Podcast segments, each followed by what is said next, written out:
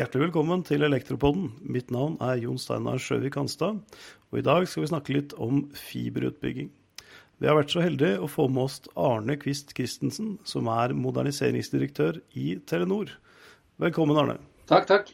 Det er jo sånn nå at uh, halve Norge sitter på hjemmekontor, uh, mer eller mindre frivillig. Og det krever jo at vi har uh, høy båndbredde, kontakt med arbeidsgiver og kan gjennomføre, gjennomføre Teams-møter bl.a. Få tilgang til servere osv. Og en forutsetning for det er jo å ha en, en skikkelig infrastruktur inn til boligen. Fiber er jo en, en, god løsning for å få høyhastighetsbredbånd og synkron linje inn. Og et stort spørsmål da er hvor langt unna er vi at alle får eh, tilgang til fiber? Hvis jeg skal svare akkurat på det du spør om, så er det i dag i Norge 74% som har tilbud om fiber. Det betyr at det er 650 eh, husstander som mangler det. Men så vil jeg gjerne legge til at eh, mm. det du egentlig spør om, det er hvor mange er det som kan få brukende eh, bredbånd. La oss si høyest bredbånd, og la oss si at det er 100 megabit. For da mhm. har vi en annen teknologi som er mye utbredt i Norge. Det er jo bruk av kabel-TV eller koaksialkabel eller HFC-nett. Som mm. uh, ofte i tettbebygde strøk er mye brukt. Og Legger vi det til grunn, så er det 89% som har tilgang til høyhastighetsbredbånd. Og da er det 275 000 som mangler et tilbud på høyhastighetsbredbånd i Norge.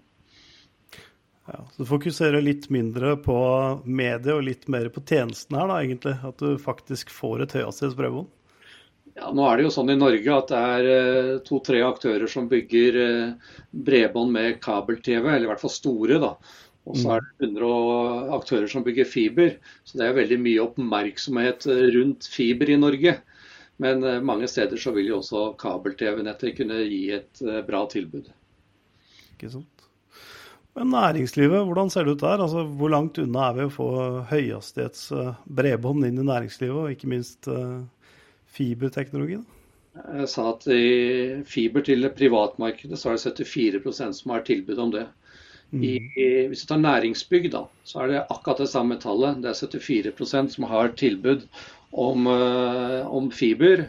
Og hvis du legger til grunn at det er 240 000 næringsbygg i Norge, så er det da ca. 62, ja, 62 000 næringsbygg som mangler tilbud om fiber. Det som er litt spesielt i bedriftsmarkedet, det at der er ikke kabel-TV koaksent like mye utbygd.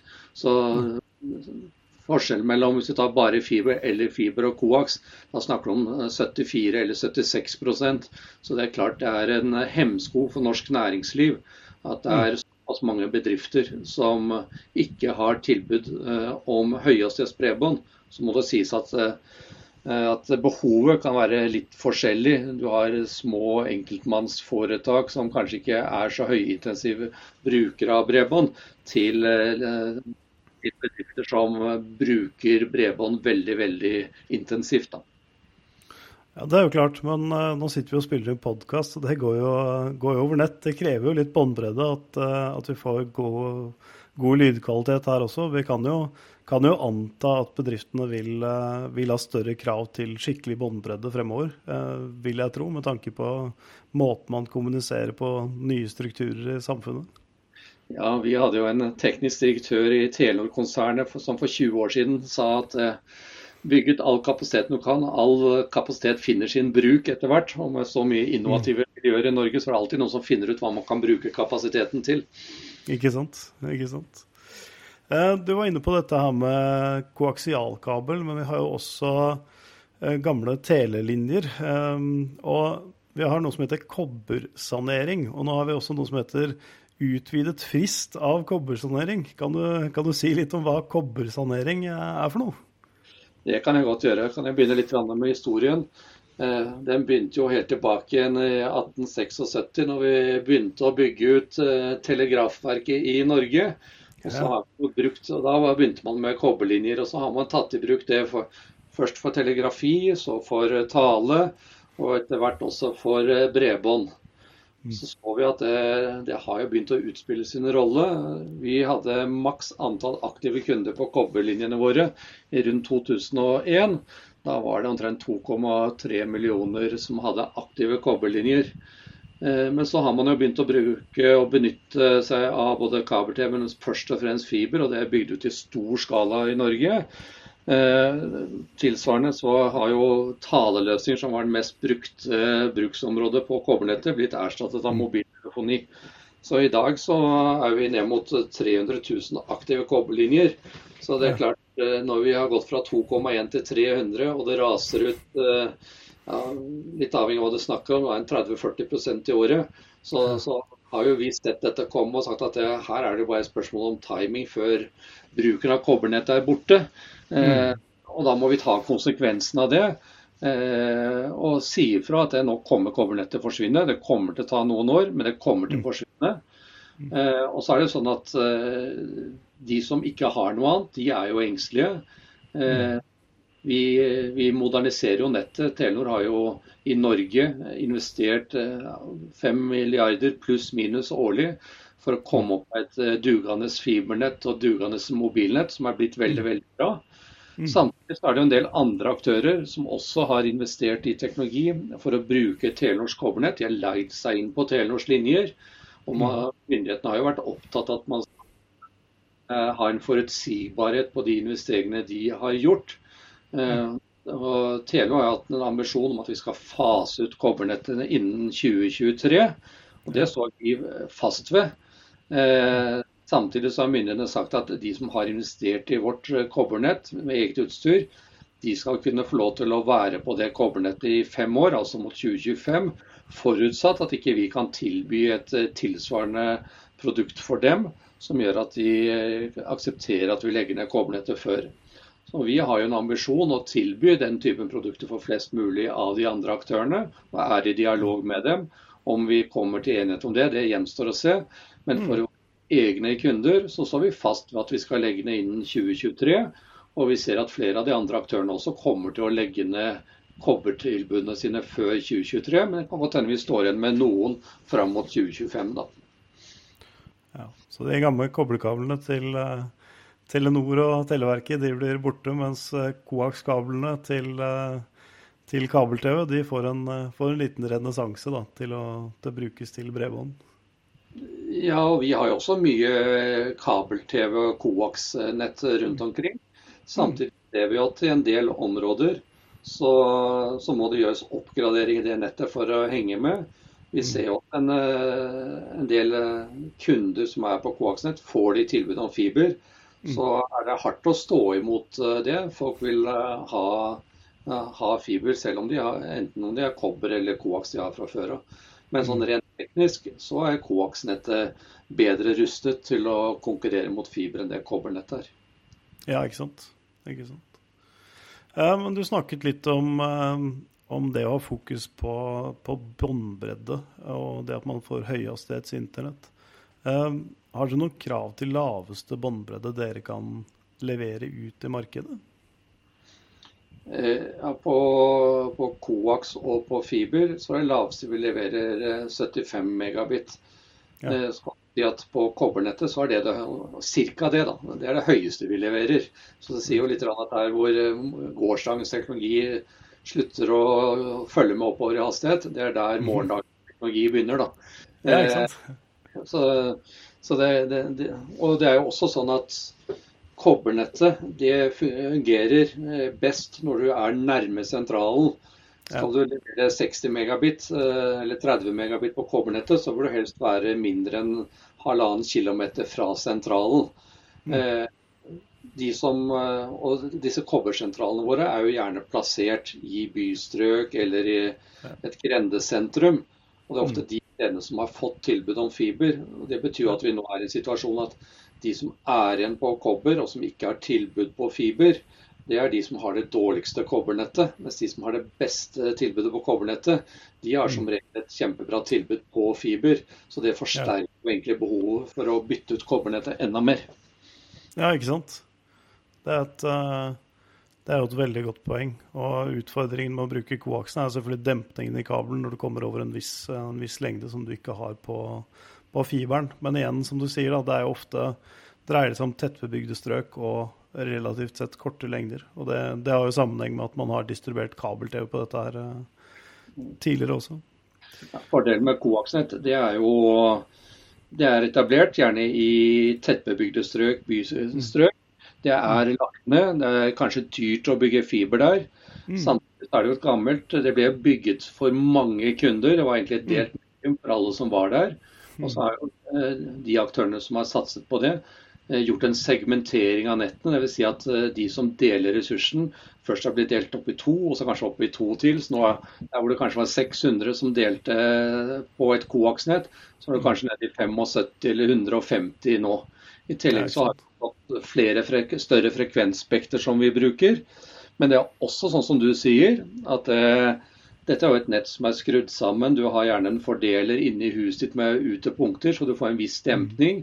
Eh, disse kontaktene burde vært uh, sett over og, og, strammet opp. så det, uh, Et nett som er 20 år gammelt, det trenger her, de trenger vedlikehold. Uh, og Det er litt sånn vurdering aktørene gjør. da. Hvor mm. mye trengs å gjøres? Er det mer fornuftig å da ta løftet opp til fiber, eller skal vi bruke penger på å vedlikeholde? Og spesielt hvis det står konkurrenter og banker på døren til kunden og tilbyr fiber. Så ta det også inn i vurderingen man gjør, da. Ja, jeg skjønner. skjønner. Eh, dere er jo et uh, kjempestort konsern. eh, og ja, Telenor har jo veldig mange forskjellige typer virksomheter, har jeg etter hvert, etter hvert skjønt. og Eh, hvilke føringer har dere fra myndighetene på, på, det området vi snakker om her, i forhold, til, eh, i forhold til utbygging og den type ting? Ja, eh, sånn som det er i Norge i dag, så har vi jo egentlig et stort krav. og Det er at der hvor det er fast bosetning, så skal vi tilby en taleløsning. Ja. Det kravet er teknologinøytralt. Sånn som vi leverer på kobber eller kabel-TV eller fiber eller mobil det er litt eh, opp til oss. Eh, eh, så det er det ene kravet vi har. Og så kommer det jo endringer der. Myndighetene er jo særdeles opptatt av at alle skal ha et bredbåndstilbud. Du sa jo det helt i innledningen din. Koronapandemien vi har vært inne i, har jo vist behovet for å ha en god nettforbindelse. Mm. og myndighetene hadde jo et mål om å nå 90% skulle få bredbåndsdekning innen 2020. Det kan man si at de nådde. Men 90% det ser veldig bra ut på en presentasjon. Eh, det betyr jo at det er 250 000 som ikke har et tilbud, og det bekymrer jo mange. Eh, spesielt eh, setter begrensninger på hjemmekontor, setter begrensninger på det å være med aktiv på skolen, delta i skolearbeid. Eh, ikke minst underholdning. Folk blir jo isolerte og har behov for underholdning, enten det er se på film eller chatte med andre eller dele videokonferanse med andre. Så det, mm. det er utfordring at det er så mange som mangler. Så mm. Telenor, du spurte liksom hva er formelle krav her. Det er jo tale. Men uh, vi har jo da levert uh, bredbånd til mange og har en helt klar ambisjon om at alle skal få et tilbud, selv om vi moderniserer. Når vi ser på tallene våre, så vil jo aller fleste få et mye bedre tilbud. Enten på fiber eller via mobilnettet. vi kan vi komme tilbake litt etterpå. Men mm. samtidig med så mange kunder, så er det jo noen steder hvor det er litt utfordrende. Og det kan være enkelte få kunder som opplever at de får et tilbud som de selv opplever som eh, litt dårligere enn det de hadde på kobber. Riktig. Riktig. Men det er klart, vi skal, eh, vi skal bygge ut uh, bredbåndsforbindelse til, til, mange mennesker rundt omkring i Norge. Og det er klart at uh, Norge er jo et veldig langt land og relativt uh, grisgrendt. Og folk har bosatt seg uh, ganske spredt. og hvordan gjør man egentlig med finansieringen av denne utbyggingen? Altså, Hvem skal betale for gildet? Korte svar på det er at det må være et spleiselag. Som sagt, Vi har 100 tilbydere av fiber i Norge. Og veldig flinke, de aller, aller fleste av dem. Kreative, får til løsninger, har lokal eh, kjennskap. Eh, bygger effektivt, men samtidig så blir det jo for dyrt hvis alle skal ha fiber. Eh, man fikk jo, eller Departementet fikk jo utarbeidet en rapport som gjorde en vurdering på hva det ville koste å bygge fiber til alle i Norge. Og den rapporten konkluderte med kostnad på ja, sånn røftlig 25 milliarder. Mm. Hvorav aktørene kanskje kunne stå for 10 milliarder av det. Resten måtte komme som eh, tilskudd fra staten, fra fylket, fra kommunen, eller i form av dugnadsinnsats. Da. Men det var hvis man skulle bygge med fiber. Og så har man gjort en tilsvarende vurdering at OK, hva får man til når 5G kommer etter hvert? Og mm. da gjorde den rapporten en vurdering på at ja, kanskje en, eh, det vil koste en 3 milliarder, og 1-2 milliarder må være i tilskudd. Og Det peker på det at eh, sannsynligvis får ikke alle fibertilknytning. Man må kombinere dette med fiber, og så må man bygge et bra mobilnett, enten dagens 4G-nett, eller når det blir oppgradert og bygd videre ut med 5G, at man benytter ned til eh, en del av disse siste 250 000. Riktig. Så, så, det å bruke mobilen da, for å levere bredbånd er et, eh, er et alternativ? Ja, Du sa jo her i stad at eh, vi sitter jo på en veldig god forbindelse når vi snakker sammen. og Da kan jo jeg røpe at eh, jeg sitter på hyttekontor og trådløst bredbånd og prater over det. og kjører, Nå ser jo ikke lytterne dette, men vi sitter jo og ser på det med god kvalitet. og eh, Jeg opplever jo 80 megabit nedstrøms og 40 megabit oppstrøms på det trådløse bredbåndet jeg sitter på her. Jeg har 500-500 eh, linjer med fiber inn her, så jo, jo, men det skal ikke stå på meg. Film som jeg bruker eh, to timer på, du kan se på et kvarter. Det er jo ikke interessant å se en film på et kvarter. Nei, ikke sant. Ikke sant. Nei, det er jo sånn at hjemme hos folk så vil fiber alltid være det ultimate, hvis du ser bort fra ja. kostnadene. Ja. Men jeg kan jo si det også, når vi har dialog med med en del av disse grendesamfunnene rundt omkring. Kanskje noen steder så har de ikke mobildekning heller. Eh, de bor der og jobber kanskje på utmark eller innmark, de har dyr, eh, jobber i skogen. Så det er klart Hvis de måtte velge mellom det å ha fiber hjemme i stua eller ha et eh, fullt brukbart bredbåndstilbud via mobilnettet, men samtidig få dekning på gårdstunet i skogen, veien inn til gården, så, så, bruker det ikke lang tid å si at eh, hvis de må velge, så vil de heller ha et eh, heidundrende mobiltilbud enn et fiber som de bare kan sitte og bruke inne i stua eller inne i huset sitt. Men klart, mange av dem sier at de vil ha begge deler. Det er ikke til å komme forbi. Hvis man kan velge, så gjør man vel ha i pose og sekk. Men jeg, jeg syns det er et veldig interessant perspektiv det du drar frem der, Arne. Det at man, eh, man kan få på en måte synergieffekter. og Det ene er at man leverer selvfølgelig en, eh, en bredbåndsløsning, men også da får bedre dekning i grisgrendte strøk. Det er, jo, det er jo helt perfekt. Man får jo egentlig pose og sekk da. Man får jo, får jo, begge tjenestene, og det er jo kjempebra for forbrukeren. Mm. Med det så tror jeg vi, vi begynner å runde av. Jeg syns det har vært, uh, vært, veldig interessant. Du, uh, du, snakker om mange forskjellige teknologier for å løse egentlig samme utfordring, nemlig det at man kan jobbe hjemmefra og få samfunnet til å fungere på en, uh, en god måte. Så tusen takk til deg, Arne. Bare hyggelig.